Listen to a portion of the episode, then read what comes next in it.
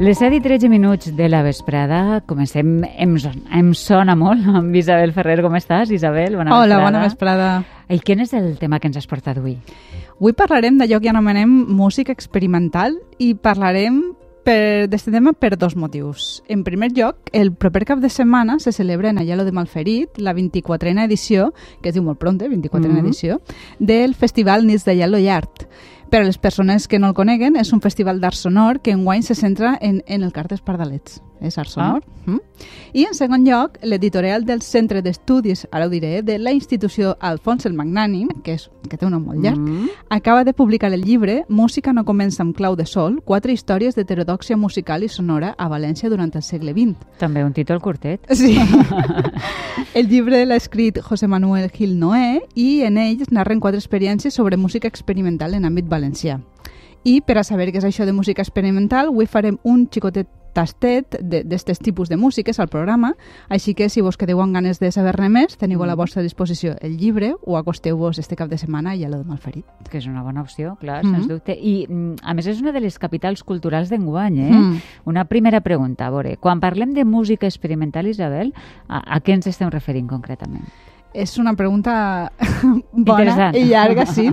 Per dir-ho d'una forma molt ràpida, és una música que escapa al que entenem convencionalment per música. Uh Mm? Gil Noé ho ha resolt molt bé titulant el llibre Música no comença en clau de sol, no perquè totes aquestes músiques no tinguin partitura, eh, però sovint no es poden escriure en una partitura convencional. En realitat, el concepte de música experimental és un concepte prou modern. Eh?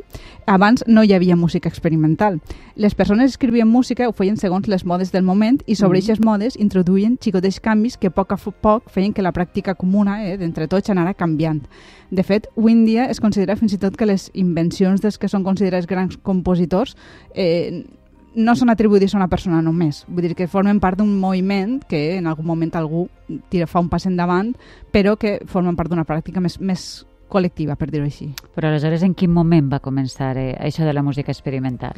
Doncs mira, hi ha un moment a finals del segle XIX i principis del XX que hi ha alguns compositors que comencen a voler fer músiques conscientment fora del sistema, eh, per dir-ho així. De fet, són músics que busquen alternatives a les músiques del seu propi temps, per a resumir-ho molt ràpidament, eh, que, que serien unes músiques en aquell temps que, que, que sonarien el que identifiquem com a música clàssica. I com deia, allò que històricament sempre s'havia fet, és a dir, que els músics buscaven xicotetes innovacions a, a, a, a xicoteta escala, um, i no d'una forma tan dirigida, a principis del segle XX això canvia. Per fer un símil eh, amb la història de l'art, um, durant molt de temps hem pintat figuratiu, és a dir, pintàvem Sí. coses que reconeixíem en la realitat, però hi ha un moment en què apareixen alguns pintors, com per exemple Picasso, que destrenquen amb això i fan coses diferents. Doncs en música i en més o menys el mateix moment històric passa una cosa similar. Mm. Eh, En història de l'art eh, ho veiem un poc més clar, no? Eh, però en música podem posar algun exemple? Sí, mira, per exemple, un dels músics que busca canvis, però més a xicoteta escala, és un compositor francès que s'anomena Claude Debussy. Mm. Ell viu a París i fa música i té la sort de poder presenciar algunes de les exposicions universals, que eren com fires eh, de Sí. congressos que es feien en aquella ciutat, on participaven moltes cultures del món i presentaven no només les seues novetats empresarials, per dir-ho així, sinó també coses de la seva cultura. Aleshores, ell allà, en París, va escoltar músiques de cultures molt llunyanes i incorporar algunes d'estos, va voler incorporar alguns d'estos elements nous a les seues músiques. Sentim un fragment? Sí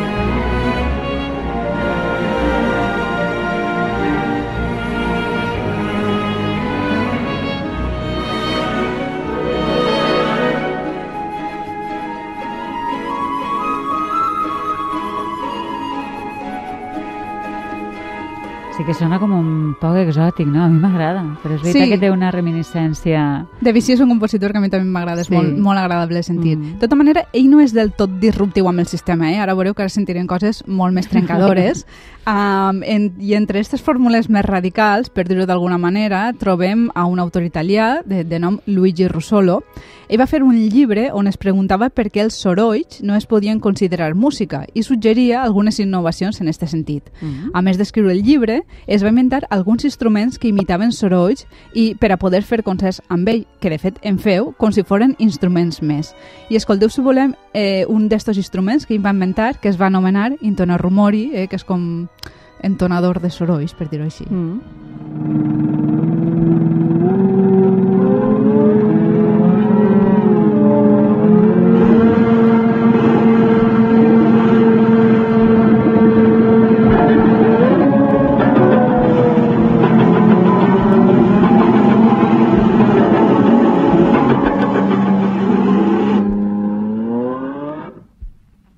jo ahir he, he sentit mosques, abelles, al final una moto amb tu barro, uh, soroll de port, de nit... A, a mi no, no, no, no m'acaba de convèncer això. Eh? És una música que costa. És, una És música costa, costa. I, que I a veure, des del desconeixement, eh? per això Mm. te tenim a tu. Uh, quina era la intenció d'estos compositors? Doncs mira, en el cas de Russolo, després d'investigar en el seu laboratori, que encara que parega que no hi ha un, una feina, una feina darrere, darrere, no? sí, ell volia, i de fet ho va aconseguir, construir uns dispositius capaços de produir un ampli espectre de sons modulats i rítmics similars als que produeixen les màquines, però sense imitar-los ni reproduir-los i que els humans poguérem controlar. Era una innovació que volia incorporar tot el que suposava la modernitat de les ciutats, que es percebia en aquell temps eh, com una cosa positiva, volia incorporar-ho eh, al món musical. Aleshores eh, va participar en un manifest, el, el manifest futurista, es va afegir no? i va construir aquestes màquines que hem escoltat i que va presentar en un concert, en diversos concerts. Mm, clar, penso en futurisme i me, me quadra no? el moviment futurista, però clar, Mm. després d'escoltar això i en música ho tenia més, de- amb, més desconegut, no? Això ha tingut influència en les músiques que s'han escrit posteriorment? Moltíssima, eh? encara Sí? que parega que és, és, és una cosa molt, molt boja, eh? sí que n'ha tingut molta, sobretot pel que fa a les possibilitats de pensar la música des d'un altre prisma. Eh, Era una cosa com dir, mireu quantes coses sorprenents poden fer amb els sons i amb els sorolls. Però vale dir que és un dels temes importants no? que envolta aquestes músiques experimentals i que es va originar ja en aquell moment, que és com un clevill que no s'ha tancat mai més, és la distància que hi ha entre aquestes experimentacions i el públic en Ahà. general, eh? Aleshores, un poc desafortunadament per a tots, per a autors i per a públic, les músiques experimentals han anat per un costat i mm, i el públic ha continuat consumint músiques, diguem, més convencionals o per una altra banda. No hi ha hagut mai un, des d'aquell moment un encontre, no? No s'han arribat a Mm, entendre. No s'han entès bé. Mm. Jo ho entenc, eh? Que no, que no hi hagi aquest enteniment. Mm. És comprensible. Sí, no sé si en història de l'art igual sí que hi ha hagut un poc més de... Ahir sí. Podria però jo ser. Ho veig, eh, ho veig més difícil Mm. amb, amb la música. Hmm. No ho sé. Però bé, mm, Russolo, ara veureu que no va ser l'únic. Un poquet més tard en el temps també trobem a Edgar Varese. Entre moltes altres coses, a ell li va agradar experimentar amb sonoritats de diferents instruments que habitualment no tocaven junts. Una de les seues obres més conegudes és Ionització, on va formar una orquestra de percussió, que això en Mhm. aquell temps, avui dia pot ser mm, ho tenim més assimilat, però fa 100 anys era una Era cosa una més estranya. no? Mm. Més tard escriuria una altra obra titulada Equatorial, que és una peça on inclou un, un altre dels, dels seus camps d'estudi, eh, que va ser la incorporació dels primers instruments electrònics no? que hi havia en aquell temps, que també ara estem molt acostumbrats a Sí. aquestes mescles, però aleshores eren instruments com el theremin, que en parlarem, ara escoltarem, i o les ones martenot, que no eren gens habituals, i encara menys mesclades amb instruments convencionals a l'ús, eh? violins, trombons, etc. Pues n'he portat un xicotet fragment.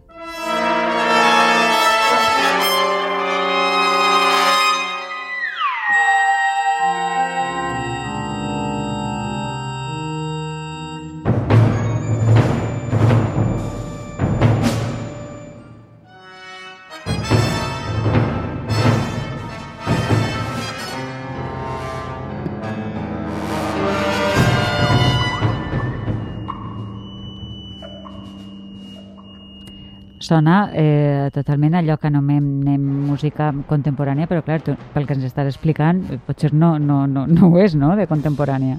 Sí, sí, e- efectivament, el terme música contemporània va néixer un poc en aquell moment històric, eh, en els primers Ah. 20-30 anys del segle XX, um, per a separar-se de la música de consum massiu, tant de la clàssica de segles passats, és a dir, estem a principis del segle XX, volia separar-se de la música dels segles anteriors, com de la música moderna d'aquell temps, de jazz i de tot el que vindrà després.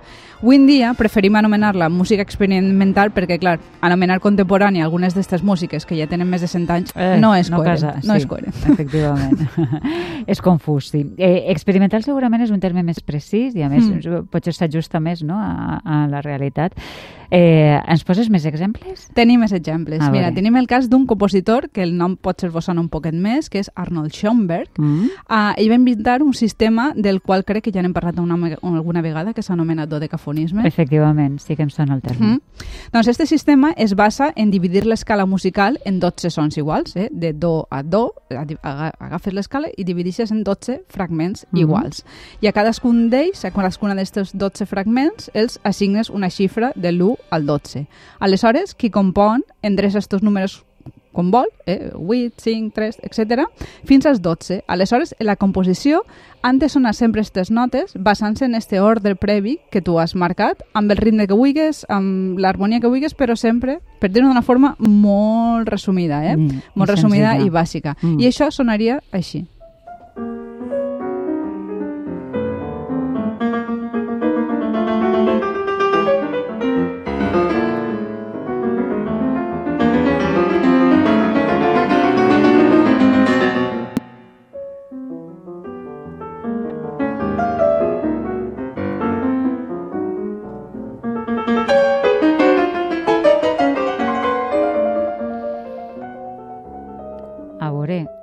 Entre això i les mosques i les eh, abelles d'abans, no?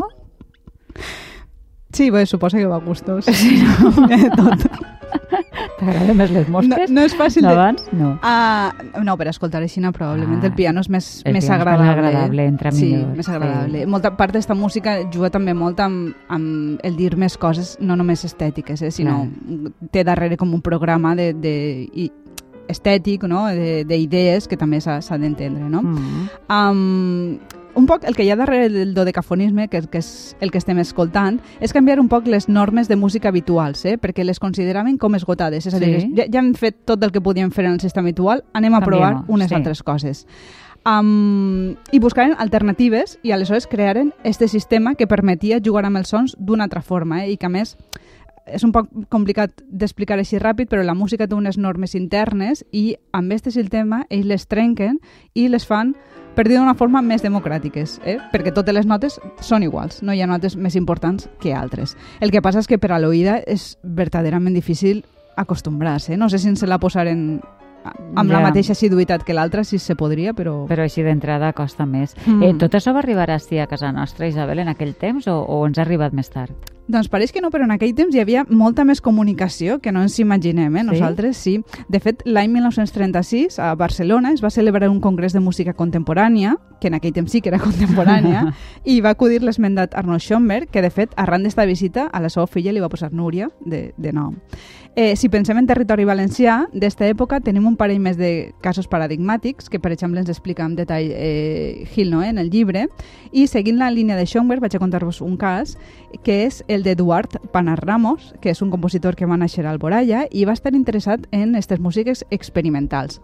La seva preocupació principal eh, dins de tot este ventall de possibilitats, instruments, sistemes, eh, i, altres ritmes, la seva preocupació va ser la quantitat de sons. Però de la mateixa manera que Schoenberg va proposar un sistema de 12 notes iguals, ell es va plantejar dividir l'escala de sons en compte de 12 en un número molt més elevat, perquè, com deien, pensava que era una forma encara més avançada de fer música, eh? un sistema diferent. És el que s'entén per microtonalisme.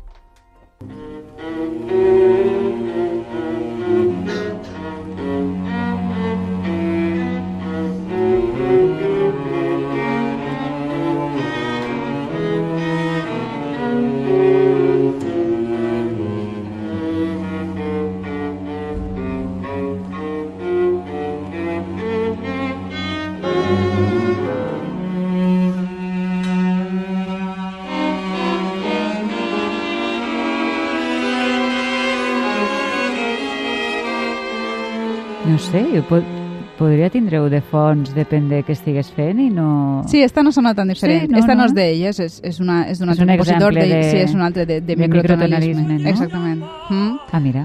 Sí. I, I, bueno, sí, diríem que suposa que si ens acostumbrarem a escoltar-ho de forma contínua acabaríem assimilant, no?, este tipus de música. Clar, a veure, és una qüestió de... Eh, hi ha unes normes que nosaltres, quan comencem a estudiar, a interessar-nos, a escoltar, a socialitzar, a viure, les, les aprenem perquè són les que estan, però de la mateixa que estan isses, de la mateixa manera, podrien trencar-se i estar unes altres i els que vingueren després s'acostumarien a aquestes altres. Vull dir, tot és qüestió de... Mm. És una de les reivindicacions de moltes d'aquestes persones que són, bueno, de les, que- les que van fer i les que avui en dia consumeixen aquestes músiques o, o, o, o són instrumentistes que les, que les, practiquen. composen, les componen Mm, i sí. les fan i, o les toquen. Mm. No sé, eh, a veure, jo, a mi m'agrada le- les que he sentit fins ara eh, seguint unes normes, però segurament perquè tenim l'oïda eh, habituada i apresa i acostumada Mm. a ixes, no? Però, en fi, també hi ha poesia experimental, També. Bueno, art experimental en Mm. general, i el que busquen és això, no? Eh, trencar-le treure's la cotilla, no? Mm. I trencar les normes preestablertes. Doncs això està bé. Només per això paga la pena. Sí, Isabel, gràcies per explicar-nos-ho també, com sempre. Fins a vosaltres. Gràcies, Adéu. adeu.